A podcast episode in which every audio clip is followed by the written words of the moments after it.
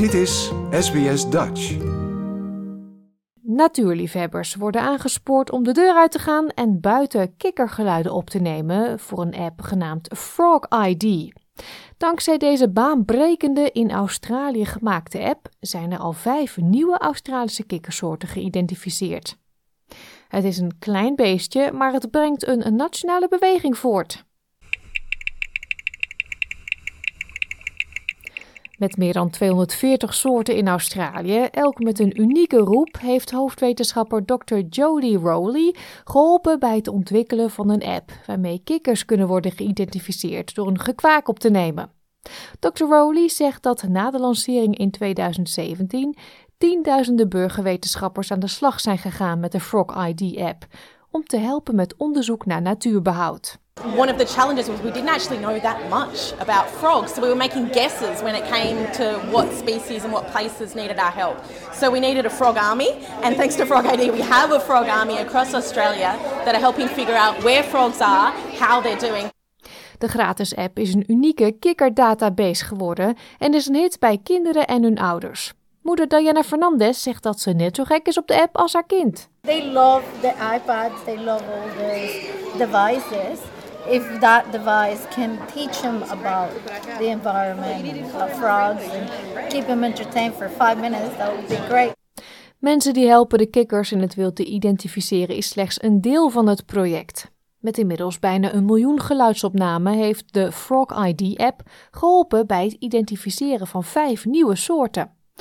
Ook zijn, naar aanleiding van de bevindingen in de app, 20 onderzoekspapers geschreven en was het zelfs de inspiratiebron voor een door ARIA genomineerd album. Dr. Rowley zegt dat, nu ze over enorm veel data beschikken, het Frog ID-team zich tot kunstmatige intelligentie wendt. We're using this library that everybody's helped create, this library of frog calls, now to train machine learning artificial intelligence so that we'll be able to more quickly and effectively identify Australia's frogs. De minister van Toerisme van New South Wales, John Graham, zegt dat het onderzoek naar verwachting niet alleen de gezondheid en het gedrag van de Australische kikkers zal blijven blootgeven, maar ook de toestand van het milieu zelf. We know that these frogs are giving us crucial information about the state of our country's natural health. Uh, we know the climate's changing. There couldn't be a more important time to be doing this research. Uh, spotting these frogs, sending the information back here, learning about our country and its changing climate as we go. Er wordt aangenomen dat vier Australische kikkersoorten al zijn uitgestorven en met 15 gaat het heel slecht.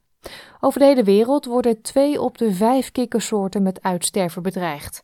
En men hoopt dat middelen zoals de Frog ID-app de internationale natuurbescherming naar een hoger plan kan tillen.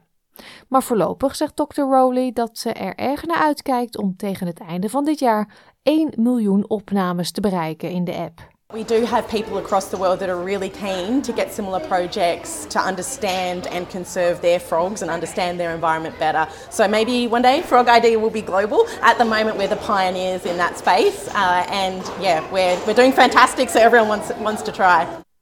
Dit was een verhaal geproduceerd door Alexandra Jones en Kira Heen voor SBS Nieuws en door SBS Dutch vertaald in het Nederlands. Like, deel, geef je reactie. Volg SBS Dutch op Facebook.